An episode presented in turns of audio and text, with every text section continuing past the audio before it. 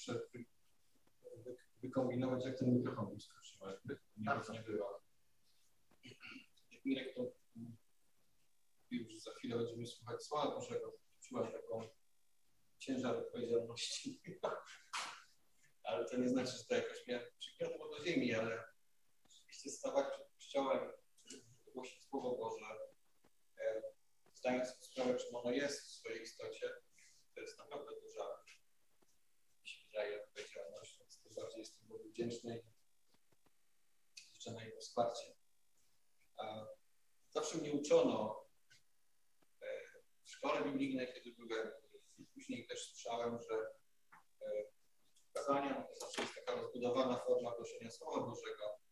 E, wstęp do kazania to zawsze jest jedna myśl, jeden werset i jakieś takie krótkie rozważenie, rozważanie, które tam sięga 10 minut, nie dłużej. Zawsze tak myślałem, zawsze to stosowałem i wydawało mi się, że tak musi być. E, ok, jak się okazuje,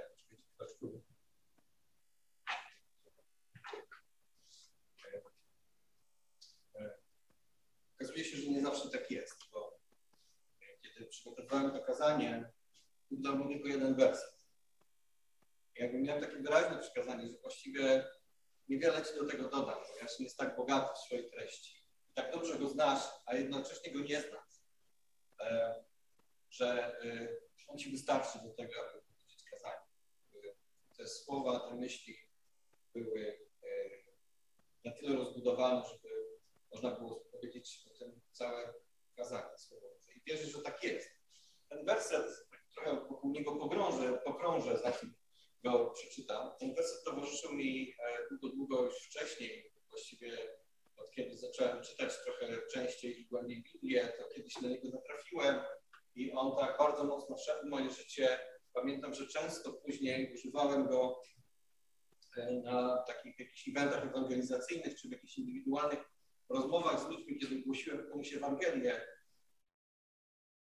Okazuje się, że nie do końca słusznie na dzień dzisiejszy, nie do końca słusznie ten werset yy, yy, używałem jako werset taki ewangelizacyjny.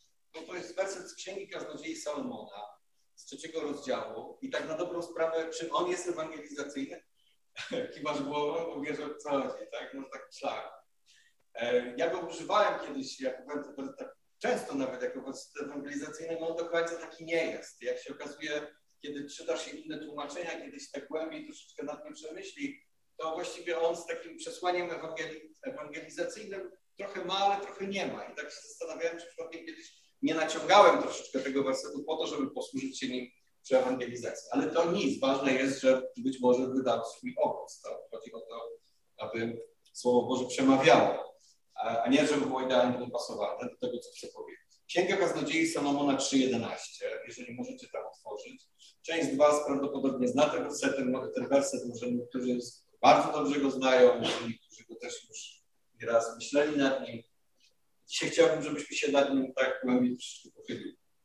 Księga Kaznodziei Salomona 3.11 z tłumaczenia Biblii brytyjskiej brzmi tak. Wszystko pięknie uczynił w swoim czasie. Nawet wieczność włożył w ich serca. A jednak człowiek nie może pojąć dzieła, którego dokonał Bóg od początku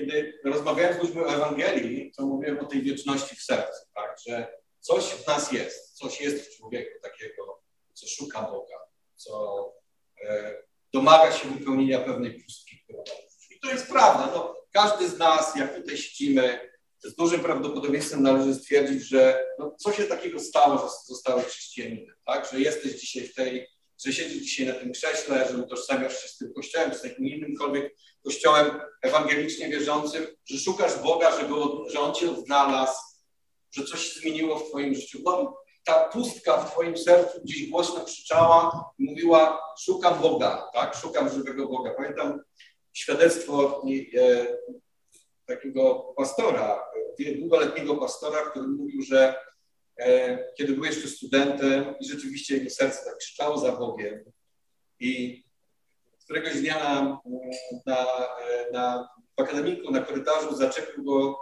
młody misjonarz i zapytał go, co robisz? Gdzie idziesz? No, szukam Boga żywego. I tak się poznali. Nie wiem, czy wiecie, o o tym mówię teraz. Mogę wam powiedzieć później, bo nie chcę teraz tutaj tego upubliczniać, ale, e, ale gdzieś jego serce krzyczało i Bóg się w taki sposób odezwał do niego. Hej, gdzie idziesz? No szukam Boga żywego, to chodź ze mną. I dzisiaj on jest pastorem, jest długoletnim, wieloletnim i zasłużonym pastorem jednego z kościołów. Więc jakby ta pustka w naszym sercu rzeczywiście jest i ona krzyczy, czasami krzyczy.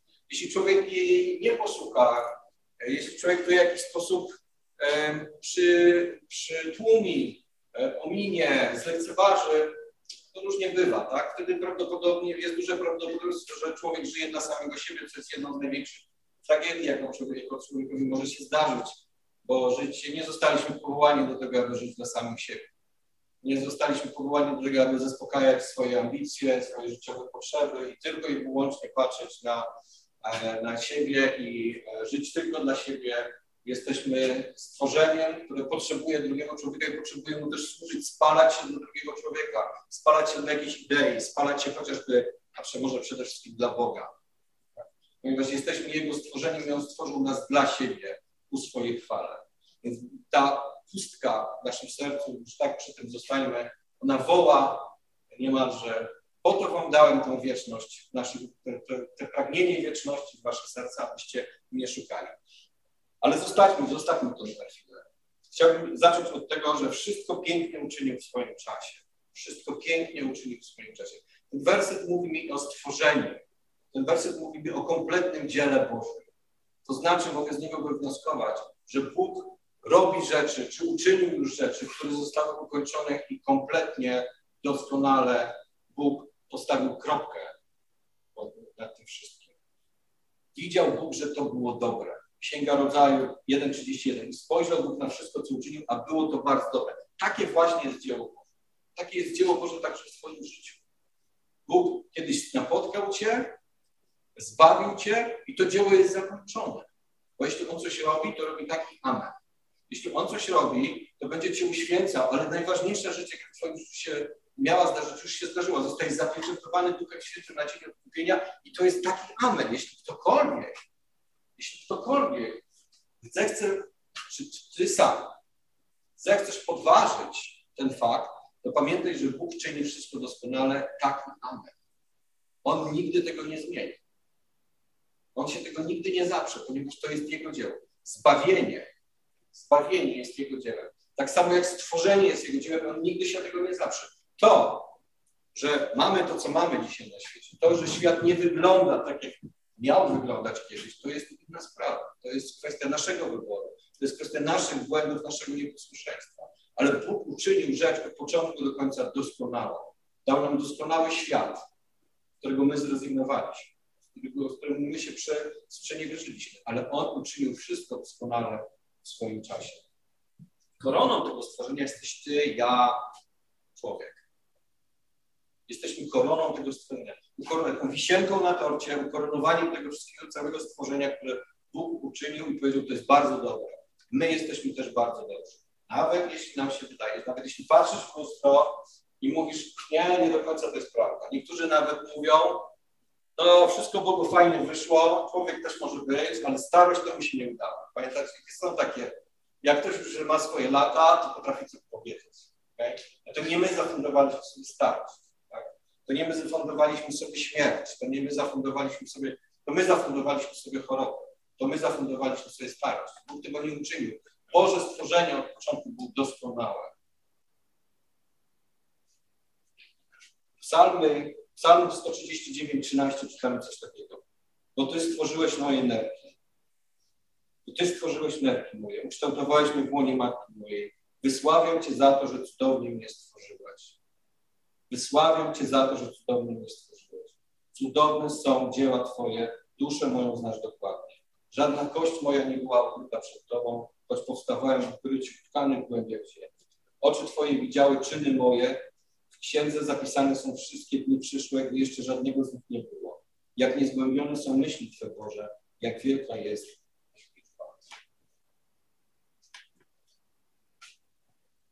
mam, e, żeby teraz nie personalizować tego, co chcę powiedzieć, to powiem tak, że mam do czynienia, czasami e, słyszę rozmowy lekarza z innymi lekarzami. No mam taką okazję, że czasami mi się zdarza, że słyszę, jak lekarz tam rozmawia o czymś z kimś, tak? Macie się śmiech. E, bo co I wiecie co, no z całym szacunkiem do medycyny, z całym szacunkiem do wielkiej wiedzy i postępu, jak medycyna zrobiła, widzę często w tych rozmowach taką bezradność. Czasami jak rozmawiamy też między sobą, to słyszę takie rzeczy, że medycyna zrobiła rzeczywiście bardzo wielki, wielki, wielki postęp. Znajomości człowieka, jego anatomii, pewnych czynników, które powodują to czy tamto, znajomość chorób, ich leczenia, to są ogromne postępy. Ale mimo wszystko nadal czasami rozkłada ręce. Przed człowiekiem, który jest tak niezwykłym stworzeniem, że mechanizmy, które powodują to czy tamto, to jak działamy, to jak funkcjonujemy, to jak działa mózg, te wszystkie oko ludzkie, jeśli byśmy to roz, tak a, rozciągowali na, na czynniki pierwsze, to nie jesteśmy w stanie tego pojąć. To jest to samo, co mówi psalmista. Jak cudowne są Twoje dzieła, jak cudownie mnie stworzyłeś, jak niezgłębione są Twoje myśli i Twoje dzieła. Bóg uczynił człowieka tak niezwykłym, tak pięknym, tak samo jak dzieło swojego stworzenia. Tak właśnie działa Bóg. Jeśli myślisz o sobie inaczej, zmień to myślenie. Ja muszę zmienić to myślenie.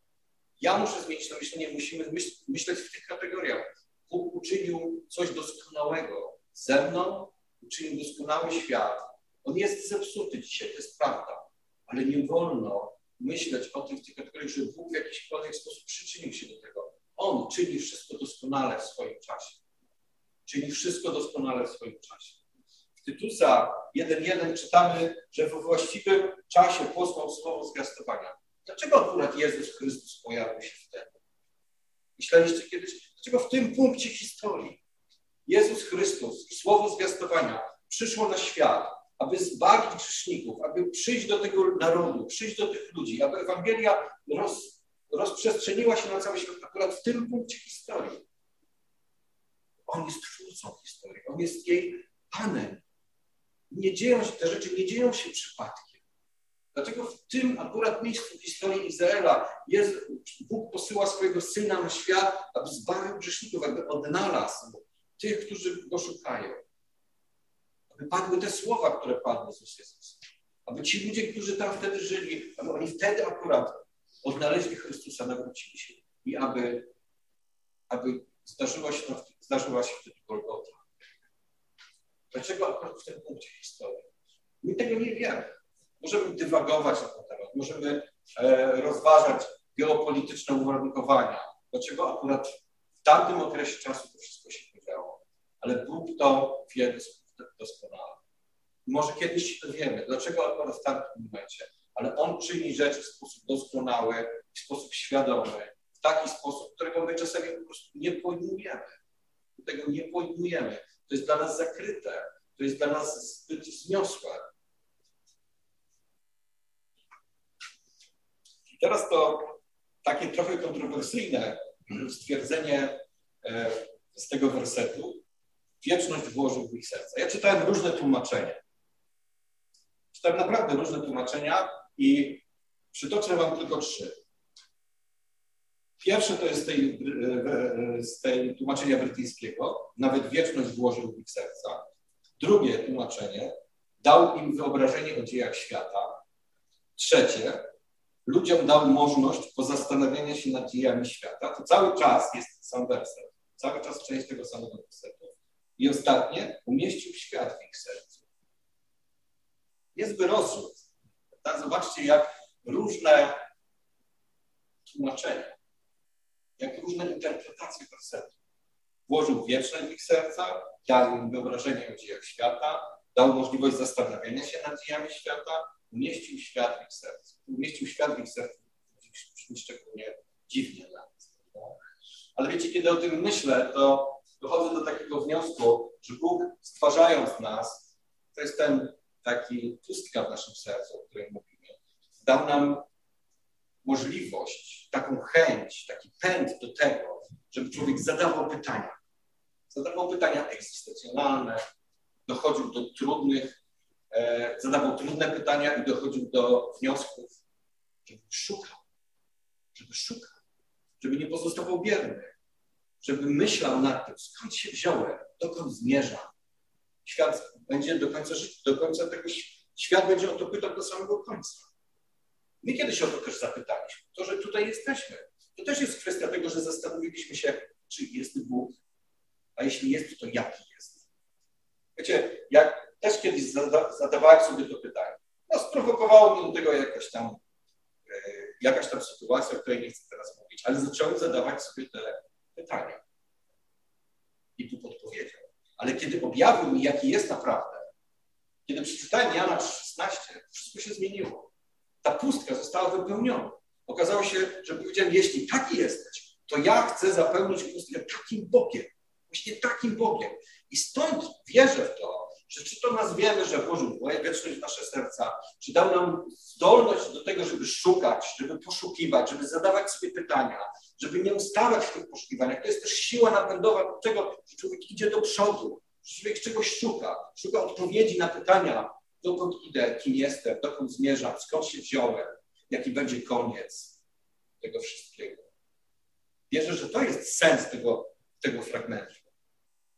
Czy kiedy mówimy, że włożył świat w nasze serca, czy dał nam, e, da, dał nam możliwość zastanawiania się nad dziejami świata, to chodzi o to, że Bóg dał nam tą możliwość, abyśmy go poznali. Pytanie jest, czy chcemy. Czy porzucimy to i będziemy dla siebie, czy też człowiek będzie usilnie poszukiwał i zrobił wszystko w tym kierunku, aby odnaleźć odpowiedź, aby odnaleźć wiarę po odpowiedzi. Skąd się wzięliśmy, dokąd, dokąd będziemy, jaki będzie koniec? W to wierzą chrześcijanie.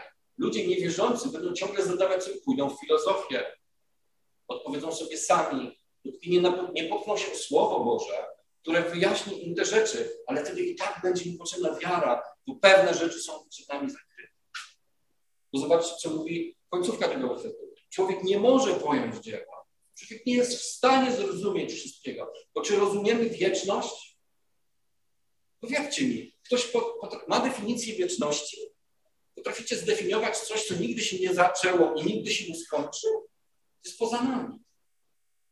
To jest chyba nie wiem, może, może, ktoś kiedyś podjął się odpowiedzi zwięzłej, logicznej odpowiedzi, z czym mamy do czynienia, mówiąc o wieczności. My musimy w to wierzyć, że to Bóg funkcjonuje w wieczności, że to On jest w wieczności, że to jest Jego naturalne środowisko, bo naszym naturalnym środowiskiem jest miejsce, gdzie cały czas słyszymy cyka zegar. Tyka zegar. Czas decyduje o tym, że my coś rozumiemy albo czegoś nie rozumiemy, że dokąd zmierzamy, wyznaczamy sobie pory dnia, godziny. To nas determinuje. Ale w wieczności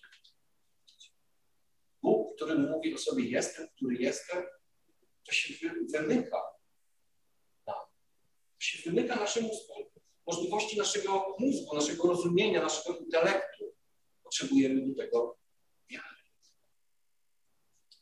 Mamy zmysł węchu, zmysł dotyku, zmysł smaku, wzroku. Mamy te zmysły z doświadczenia. Ale wiara to zmysł, który pozwala nam funkcjonować w wieczności. Tam, gdzie nie mamy dostępu swoim, swoim intelektem, swoim rozumem, to jest dar od Boga. To jest coś, co otrzymujemy po nawróceniu. To jest łaska od Boga, że mamy dar wiary, który jest tym następnym zmysłem, który, który pozwala nam funkcjonować z Bogiem, już tutaj na ziemi. Wiara jest pewnością tego, czego się spodziewamy, przeświadczeniem o tym, czego nie widzimy. Pewnością tego, czego się spodziewamy i przeświadczeniem o tym, czego nie widzimy. 11 rozdział listu do Hebrajczyków. Jeśli tak zdefiniujemy wiarę, to mamy pełny obraz tego, że oto został nam dany dodatkowy zmysł, który wykracza poza doczesność. Poza to miejsce, w którym tyka zegar, w którym funkcjonujemy już teraz w wieczności.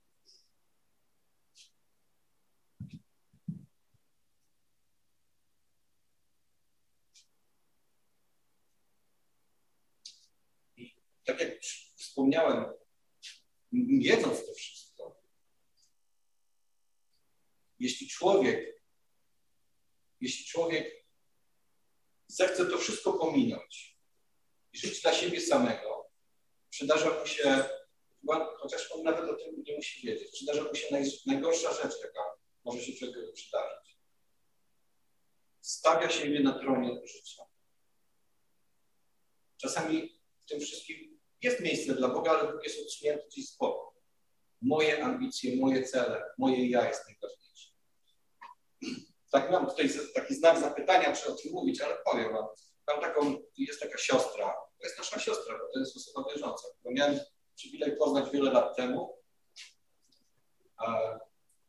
Długo później nie mieliśmy żadnego kontaktu. Jak któregoś dnia tak na mnie po prostu przyszła na myśl, gdzieś tam przy okazji zacząłem szukać w internecie, znalazłem ją, znalazłem ją i męża, to co teraz robi. Okazuje się, że wiem, że swego czasu tam e, zaszła w ciążę, urodziła dziecko, potem nagle słyszę, że ma dwoje dzieci. Jedno z nich jest niepełnosprawne.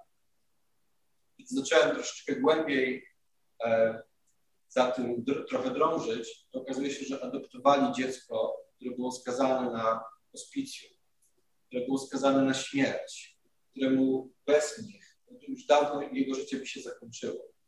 Wiecie co, jak tak patrzę na ich zmagania, patrzę na to, ile godzin spędzają w szpitalu, e, obserwuję, ponieważ mają stronę na Facebooku e, i tak obserwuję, ile wysiłku, ile poświęceń, ile nocy, ile stresu, ile tego wszystkiego dla jednego małego dziecka, które, które nikt go nie adoptował.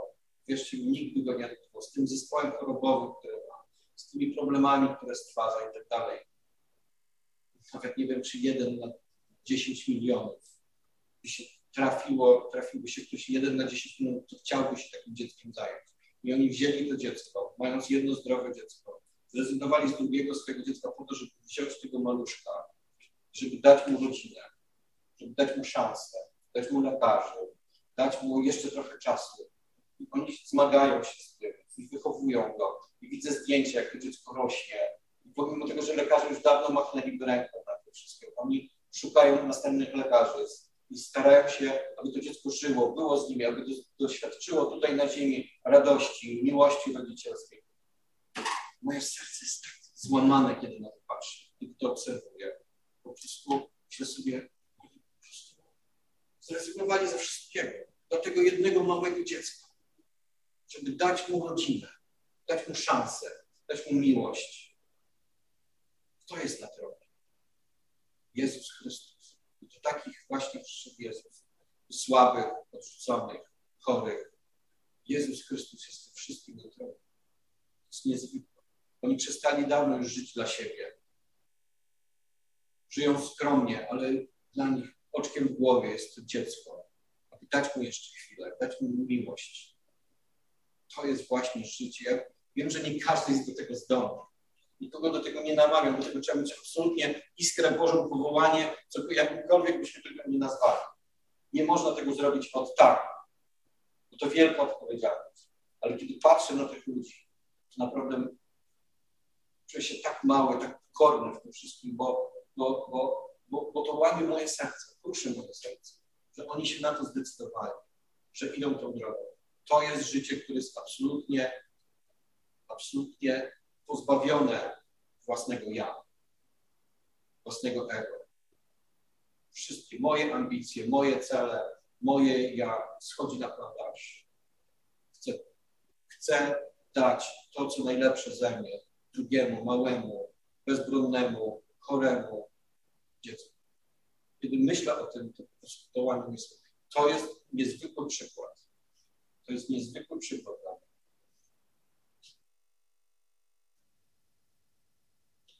Ta wieczność w naszych sercach jest takim bezpośrednim wołaniem Boga, poznajcie mnie.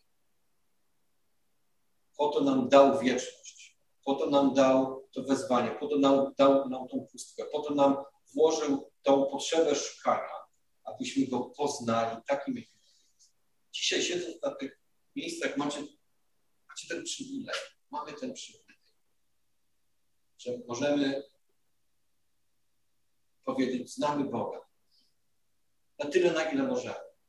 Na tyle, ile, intelektualnie i dzięki jego wierze, którą nam dał, dodał do naszego życia, na tyle, na tyle na ile możemy I to jest wielki, naprawdę wielki przywilej. Tworzymy Kościół. A rolą Kościoła, jak mówi Efezjan 3.8, jest to, aby poznały, tu chodzi o nadziemskie władze i zwierzchności w okręgach niebieskich, to jest cytat z Efezjan 3.8, poznały przez Kościół różnorodną mądrość. To jest nasza rola. Jeśli zostałeś przyłączony do Kościoła, jeśli Bóg Cię znalazł, jeśli dodał Ci wiarę, jeśli odpowiedziałeś pozytywnie na Jego wezwanie, masz tą łaskę, że jesteś częścią tego Kościoła, to przez Kościół ludzie i nadziemskie władze i zwierzchności poznają różnorodność, różnorodność. Cokolwiek się pod tym kryje.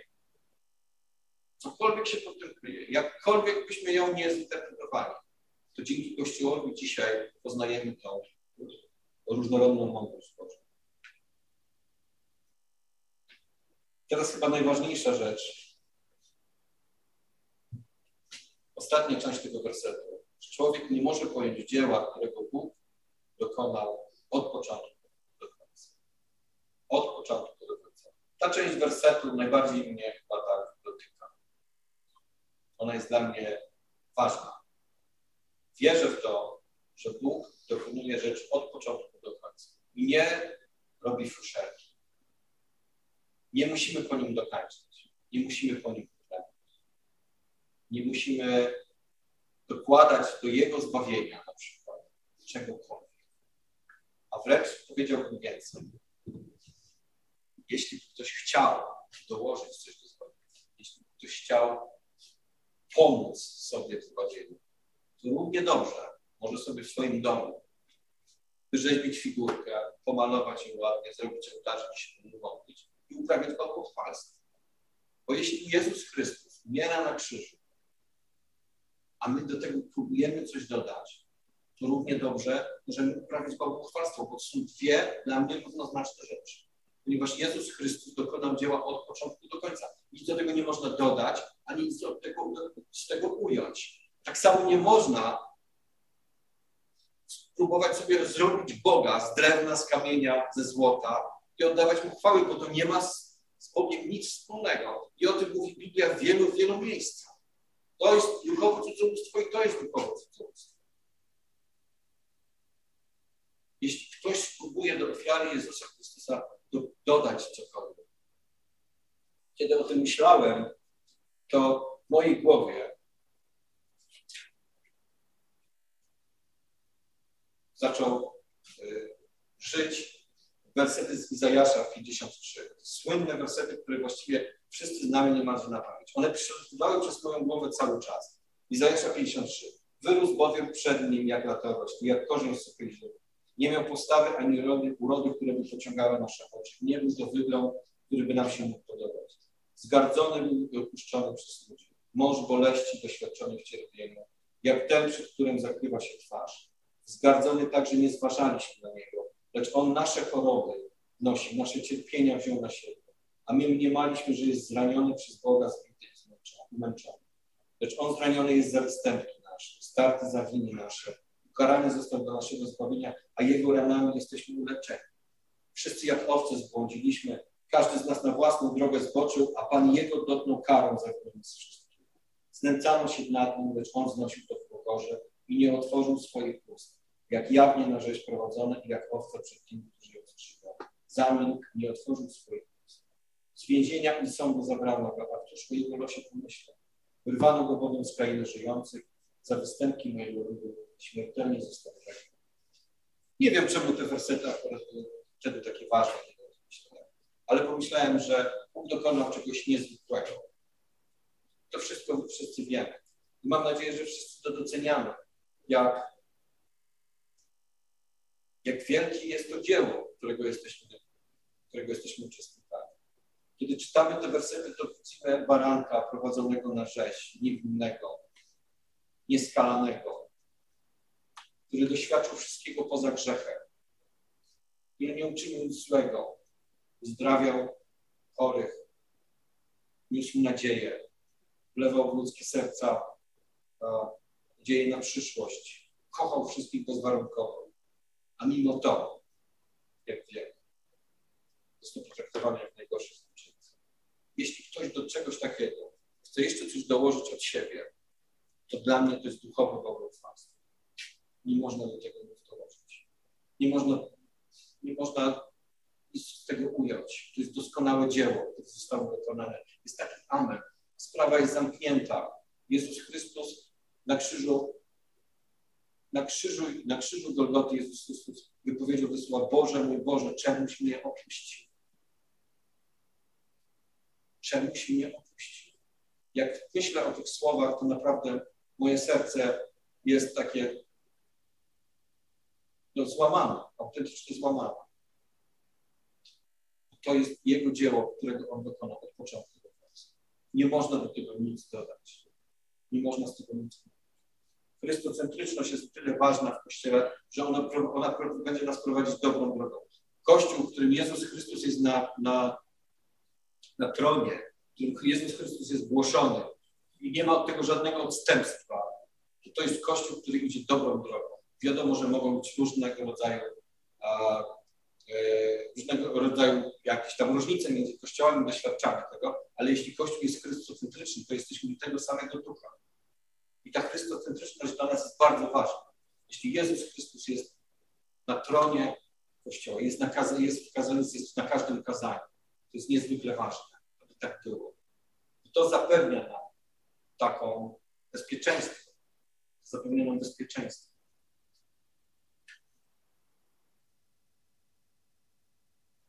I ostatni werset, który chcę Wam przeczytać odnośnie tego. Rzymian 8,38. Albowiem jestem tego pewien, że ani śmierć, ani życie, ani aniołowie, ani potęgi niebieskie, ani teraźniejszość, ani przyszłość, ani moce, ani wysokość, ani głębokość, ani żadne inne stworzenie nie zdoła nas odłączyć od miłości Bożej, która jest w Chrystusie Jezusie, Panu naszym. To jest to dzieło, które To jest to dzieło, do którego nie można nic do, do, dołożyć od siebie. Ludzie mają różne pomysły na swoje zbawienie. Ja też jak przyjechałem do Krakowa, e, mimo tego, że szukałem Boga i byłem już osobą wierzącą, różnymi odchylkami jeszcze, ale e, kiedy usłyszałem, że no, że ofiara Chrystusa zupełnie wystarcza, mi tak po prostu powiedział, to wydało mi się to, nie, nie, nie może być. Nie może być. Co to ja już jestem ze wszystkiego zwolniony? Nie znaczy, że jestem ze wszystkiego zwolniony. Mam swoje odpowiedzialności, każdy z nas ma swoje odpowiedzialności. Ale jeśli chodzi o sprawę zbawienia, jeśli chodzi o Twoją duszę, to Bóg to wziął w swoje ręce. Nie wypuści. To jest dzieło, którego on dokonał od początku do końca. Stworzył Cię, skrzeszyłeś, urodziłeś się w grzechu, ale on z tym zrobił porządek. Odezwała się ta pustka w Twoim sercu, to te pytania. Gdzie jesteś, Boże? I znalazł Cię, bo jesteś tutaj. I nie, nie tylko Cię znalazł, aby cię zakuć w jakieś kajdany dobrych uczynków, ale powiedział, jesteś moim dzieckiem, zbawiłem cię. Czy wierzysz w to? Jeśli odpowiedziałeś pozytywnie, to dzisiaj jesteś tutaj jako zbawiony człowiek. I to jest dzieło, dzieło, które jest dokonane od początku do końca. On wszystko pięknie uczynił w swoim czasie. Włożył to pragnienie do Twojego serca, abyś wołał do Niego. Znalazł Cię, przytulił do siebie, oddał za Ciebie Twoje życie i umiłował Cię aż do końca. On to dzieło wykonał. Możesz tego dzisiaj pewien. Możesz dzisiaj tego pewien. Możesz wyjść z kościoła i mówić to innym ludziom z absolutną pewnością. Jeśli tylko Bóg Cię do tego powołuje, jeśli tylko będziesz miał taką możliwość, to mów drugiemu człowiekowi, Bóg dokonał niezwykłego dzieła. Sprawujcie swoje zbawienie, strzeżenie. Pamiętajcie o Jego, o tym, co On czynił na, na, ścieżkach swojego życia. bo On uczynił coś niezwykłego. To jest taki akt. Amen. Dziękujemy Ci, Panie, za, za to, że nic nie możemy dodać ani Twojej ofiary. Dziękujemy Ci, Jezu Chryste, za to, że uczyniłeś niezwykłą rzecz w naszym życiu, że zbawiłeś nas z łaski przez wiarę, że to tylko Twoja łaska. Wydałeś nam wiarę, która nas prowadzi przez życie. Tobie dzisiaj oddajemy cześć i chwałę. Tobie dziękujemy za wszystko, co uczyniłeś za to, co jeszcze uczynisz w naszym życiu, Panie. Błogosławimy dzisiaj Twoje święte imię i dziękujemy Ci za wszystko.